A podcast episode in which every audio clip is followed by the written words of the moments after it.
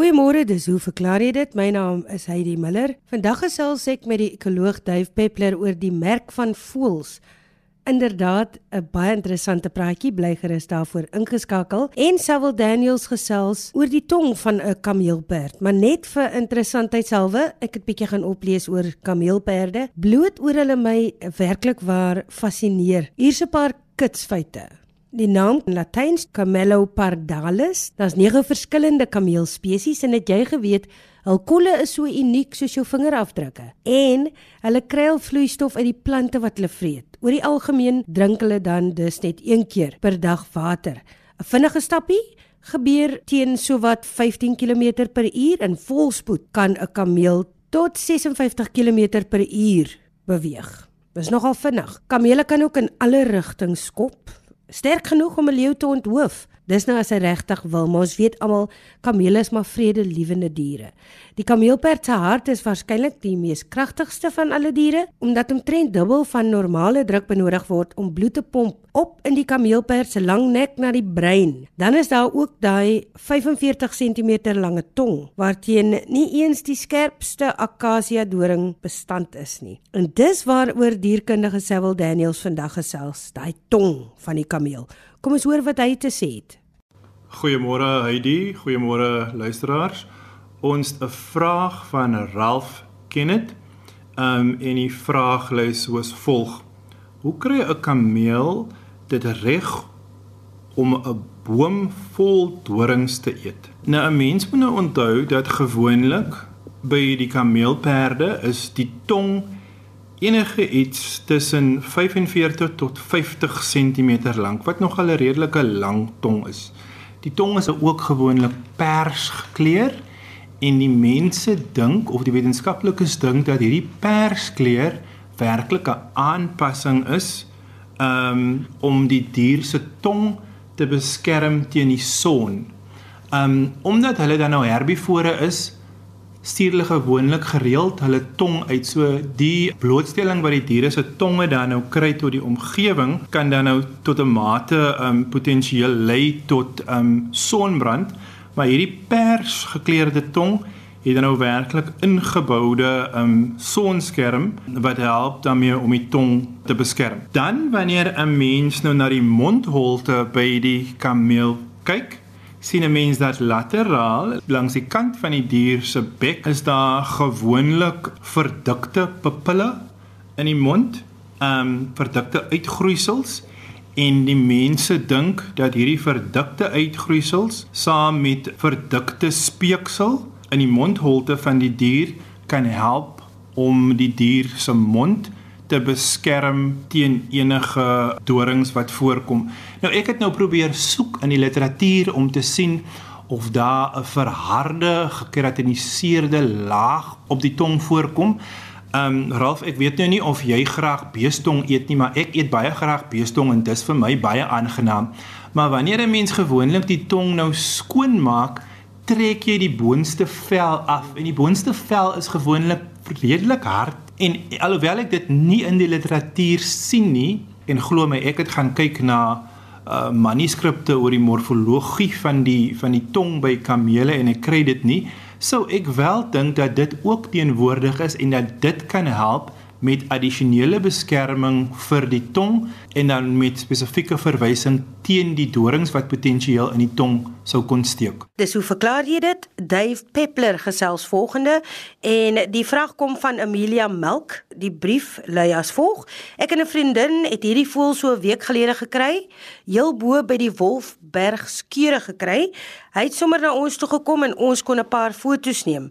Hy of sy het 'n groterige kuiken op tou gehad wat gereeld gevoer is deur die volwasse voël terwyl ons daar gestaan het. Die een foto wys hoe naby hy aan ons gekom het en die ander foto wys die volwasse en kuiken. Ongelukkig nie die beste fotos nie sê sy. Daar was ook 'n ander volwasse voël, maar ons het hom nie afgeneem nie. Wat my aandag ook getrek het, is dat die volwasse Cape Rock jumper gering is. Sou graag wou weet aan wie ek kan rapporteer dat ons hom gesien het. So skryf Amelia. Dag Heidi en kollega. En luisteraars, nou ja, die Cape Rock Jumper ter sprake hier is die Kaapse klipluister en hy klink so.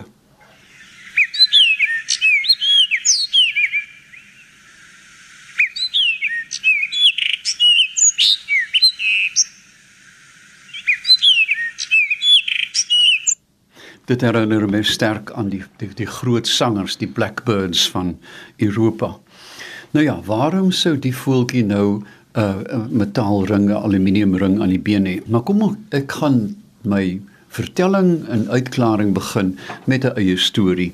Jare gelede en ek het meeste van my lewenswerk gewy aan die klein rooi valk, 'n klein valkie wat uit Eurasië elke noordelike winter na Suid-Afrika vlieg. Uh, mens kan skaars dink dat 'n voeltjie uit Mongolië sal Wellington toe kom vir die somer en dan terugvlieg. Mens dink in orde van 13000 km per jaar wat hierdie piepklein 150 gram voeltjie vlieg. Nou toe ek begin het, het ons geen idee gehad waar hulle vandaan kom nie. Ons het geweet daar's 'n klein bevolking in Spanje wat getuimel het van 'n 100 000 broeipare in 1950 tot 4000 vandag. Uh so dis katastrofiese afnames. Hulle het verdwyn uit Frankryk, hulle het verdwyn uit Ita uit um, Italië. So ons het geweet dat ons te doen het met oosterlike bevolkings uh, waarvan sommige dalk in Israel voorgekom het, maar hier het ek 'n heerlike aantal 4 of 5000 in 'n een boom gehad in Wellington elke aand en ek kon hulle in die hande kry en uh, by name met misnette. Nou misnette is 'n bitterfyn nylon net wat jy dan tussen pale stel. Dis byna onsigbaar en die stomme voeltjie vlieg dan daarin en dan neem dit jou uur om hom uit te kry nadat hy 'n half sekonde geneem het om in te kom. Maar in elk geval daar sit ek toe met 'n handvol van hierdie voeltjies en daai dae kon ons nie uh satellietradiosenders aansit nie want hulle was eenvoudig te groot. Ek kom later daarby. So ons het hulle almal bering en ek het in die orde van 550 gevang en bering. Nou die statistiek sê dit 1948 is die volgende van die 200 000 rooi valke wat bering is sedert 1948 is 3 ringe teruggekry. Dit is dus 'n ondenkbare klein persentasie. En van my 550 het ek 1 teruggekry. Maar dit was 'n tragiese fonds want my valk is deur koning Fahd se valk in Arabië gevang, maar hy het die grasie gehad om die ring vir my te stuur om verskoning te vra en so het ek 'n waardevolle inligting gekry van die terugroete van hierdie voeltjie. Dan het ek bloedmonsters getrek. Hoekom? Want bloed bevat sogenaamde hemoparasiete, bloedparasiete wat diskreet is tussen wêreldgebiede. Met ander woorde, as ek lank genoeg sal kyk, sal daar verskille wees tussen oostelike en westelike bevolkings. Ongelukkig in my geval het nie gewerk nie alhoewel is 'n nuwe bloedparasiet nie aan die wetenskap opgetel het. Dan het ek ook genetiese studies geneem om te probeer uitvind hoe die valke aan mekaar verwant is. Meng die bevolking sal 'n wyfie van Moskou hiernatoe vlieg, verlief raak op 'n mannetjie van Madrid en saam met hom Spanje toe gaan byvoorbeeld. Maar eh, eh, ek sal later by die antwoord kom.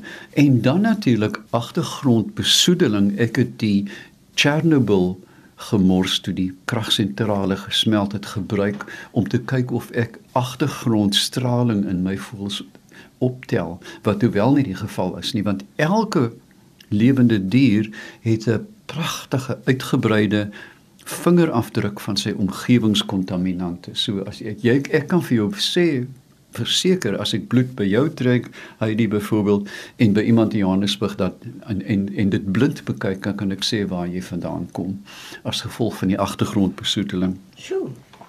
So, ehm um, in terme van die brief wat word bereik deur die voeltjies te vang en dan 'n ring aan te sit. Nou wel, daar is 'n baie bekende biologiese ehm um, bestuurs truc en dit is vang en hervang metodes. Met ander woorde, jy gaan na 'n gebied toe, jy vang 'n aantal individue en jy merk hulle. Nou nie noodwendig met ringe nie, maar jy merk hulle en dan kom jy 'n paar maande later terug en vang weer in dieselfde gebied. Nou gaan jy 'n mengsel kry van die met ringe en sonder ringe en dan as jy iets van wiskunde weet wat ek niks doen nie, dan kan jy met uh, 'n uh, wiskundige formule ekstrapoleer dat omdat ek soveel teruggevang het, is die bevolking so groot. Met ander woorde, jy kan die bevolking bepaal.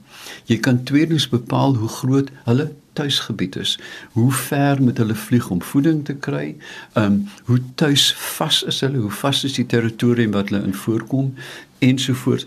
En migreer hulle daar uit of kom nuwe ehm um, nuwe individue terug daaraan. Met ander woorde die hele tuisgebied dispersie benutting van tuisgebied kan jy als met hierdie eenvoudige tegniek van 'n ringetjie aan 'n voeltjie doen. Jy hoef hom nie noodwendig te vang nie want daar is 'n uh, sterk teleskope en as jy reg sit, dan kan jy selfs die nommer lees. Is dit die enigste manier om diere te merk? Nee, glad nie. Ek onthou aan die begin van my loopbaan het die WNR in Suid-Afrika die heel eerste telemetriese apparaat gemaak met ander woorde radiosenders en radioontvangers. Ons het grysbokke gemerk wat naand met krikke geloop het want die die radio om sy nek was so groot soos 'n skoendoos. Jy het geen idee wat 'n lomp uh, apparaat dit was nie. Die ontvanger, ek meen dit jou halfuur geneem om die antenne aan mekaar te timmer om hierdie piep piep piep geluidjie te kry.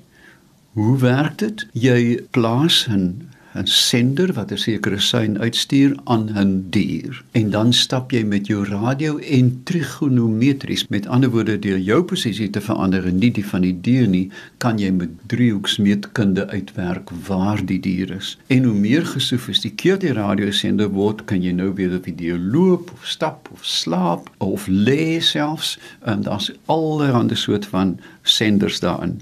Daar uh, het ons geoplasers Dit is 'n GPS gedrewe klein skuifie, 'n chip wat jy byvoorbeeld aan 'n aan 'n albatros kan kan vasmaak en dan met 'n klein sonpaneeltjie oor die volgende 3 maande word die posisie elke halfuur afgelaai. Nie deur radio nie maar op die stelsel self. En sou die die albatros dan terugkom, laai jy alles af en dan het jy hierdie ongelooflike datastelsel van 'n uh, voël wat in 3 maande 20, 30 000 km vlieg.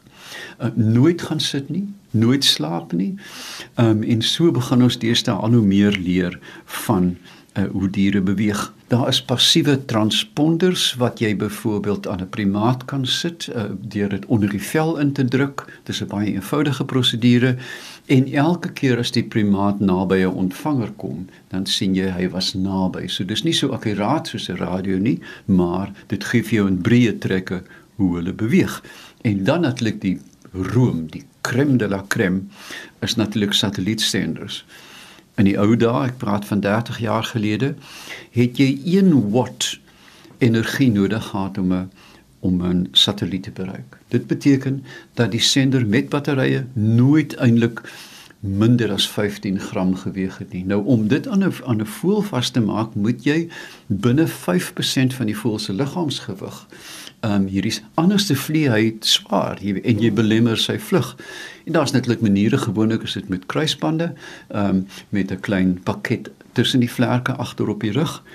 Deesdae is daar senders wat op bye pas dat jy letterlik telemetries kan sien waar 'n by is. Dit is so verstommend en ek is so jaloers as ek dink die dae toe ek gewerk het dat ons nie hierdie tegnologie gehad het nie. Dit is natuurlik baie baie duur. Dan ehm um, kan 'n mens stabiele isotope gebruik. Jy kan byvoorbeeld met 'n rot kan jy vir hom radioaktiewe soutwater gee en dan kan jy sy urinekolle optel waar hy rondgeloop het. Mens kan deur middel van spoorelemente in die mis kyk waar die dier was en dan is daar 'n hele ander suite van maniere om diere te merk. Nou by voëls is ons beperk tot 'n 'n beenring, kruisbande met 'n vlaggie tussen die blaaie of wat bekend staan as 'n patagiale vlaggie wat in die vlerk aan die buitekant uh, wys. En dit is permanent en dan kan jy nou sien hier kom kolgaans nommer 713 met sy geel vlaggie op die vlerk. Maar met ander diere kan ons natuurlik hulle fisies merk met 'n nekband. Jy kan vir iemand 'n serpie aansit met die nommer ABCH2 vir 'n bewer of wat ook al. Ehm um, die vlerkstrokie wat ek van gepraat het by klein knaagdiere Ehm um, en dit moenie gril nie. Is daar baie netjiese manier en dit is toonamputasie dat jy die eerste lid van die toon amputeer en dan het jy met vier pote, elkeen met 5 tone, het jy 'n hele paar duisend kombinasies. Met ander woorde, jy tel jou rop op, laat hom op sy rug lê en tel tone en dan weet jy presies waarmee jy te doen het. En ek het dit vir jare en jare gedoen hierdie fooi tog in die arme ding eers met 'n bietjie kloroform uitgesit en dan netjies geamputeer, dit ontsmet in binne 'n week was die wondjie gesond en dan het jy nou die toonlose rot gehad. Dan kan jy natuurlik die hare of die vere kleur met waterstofperoksied. Dit is bekend om hare te kleur natuurlik en dit is eintlik die interessantheid waar die term suicide blonde vandaan kom en die antwoord is dyed by her own hand. maar nou ja, dan is daar uh, baie ander interessante fotografiese tegnieke waar jy byvoorbeeld by leeu's en die groot katte veral 'n baie unieke snorbaardpatroon het. Hulle is in 'n vaste patroon gerangskik en dis een ding wat nie verdwyn nie dat jy 'n foto 30 jaar later van 'n leeu kan neem en nog altyd net die snorbaardpatroon te kyk uit te vind wie dit is. Jy kan skeer natuurlik kort stondige manier jy kan 'n H of 'n X afskeer met jou klein draagbare skeermesie op die zebra se pens wat jy ook oor 'n groot afstand kan lees. En dan weet ons van ons gewone eh, plaasdiere, die gewone oormerkers van varke, bokke en beeste. Ehm um, daar is mikrosenders, sogenaamde microchips wat mense met diertroeteldiere en papegaaie byvoorbeeld onder die vel implanteer wat hom dan permanent merk. Jy kan vriesbrand. Jy kan in in in plaas daarvan om 'n ding met 'n rooi warm yster kan jy dieselfde yster in in vloeibare stikstof sit, dit teen die vel druk. Die follikels van die hare word doodgemaak en dan dan groei daar wit hare uit. So jy het 'n pragtige sagte manier. Hy kry 'n bietjie koud natuurlik. En dan as jy wil en daar's genoeg vleis om op te werk, kan jy tatoeëer. Uh, Veral by primate word hulle onder die kilibak ehm um, getatoeëer so jy kan dit ook op 'n afstand lees. So Amelie, wat jy waargeneem het is 'n is 'n boeiende studie wat baie meer vir ons vertel as net 'n klein voeltjie met 'n ring om die been. Dit vertel vir ons van sy lewensiklus, hoe groot sy woongebied is, of hy migreer, of hy rondloop, of hy vas is aan sy woongebied. En dan laastens jou vraag oor aan wie ons dit sou rapporteer. Daar's een fabelagtige eenheid um, wat gestig is deur professor Les Underhill, 'n vriend van my jare gelede, die ADI, die Avian Demography Unit aan die Universiteit van Kaapstad wat wêreldklas werk gedoen het oor die voëlverspreiding seisoonaal in Suid-Afrika. Al die die groot groot atlasse van die voëls is gebaseer op sy werk uh, en sy span en dit is nou uitgebrei na paddas en slange en en 'n wêreldklas eenheid. So ek sal indien jy dit nie doen nie, kan ek dit doen, net die foto aanstuur vir ADU by die Universiteit van Kaapstad. Net herhaal wat jy gesê het ADU dis aan die Universiteit van Kaapstad. En dis ook dan vandag se program. Baie dankie Sewil Daniels en Dave Peppler. Indien jy wil skryf, as jy meer as welkom. Hoe verklaar jy dit? Posbus 2551 Kaapstad 8000 of stuur 'n e-pos na heidi@rsg.co.za. H A I D E E. Baie dankie aan telematiese dienste aan die Universiteit van Stellenbosch. Ek hoop jy geniet jou Sondag verder.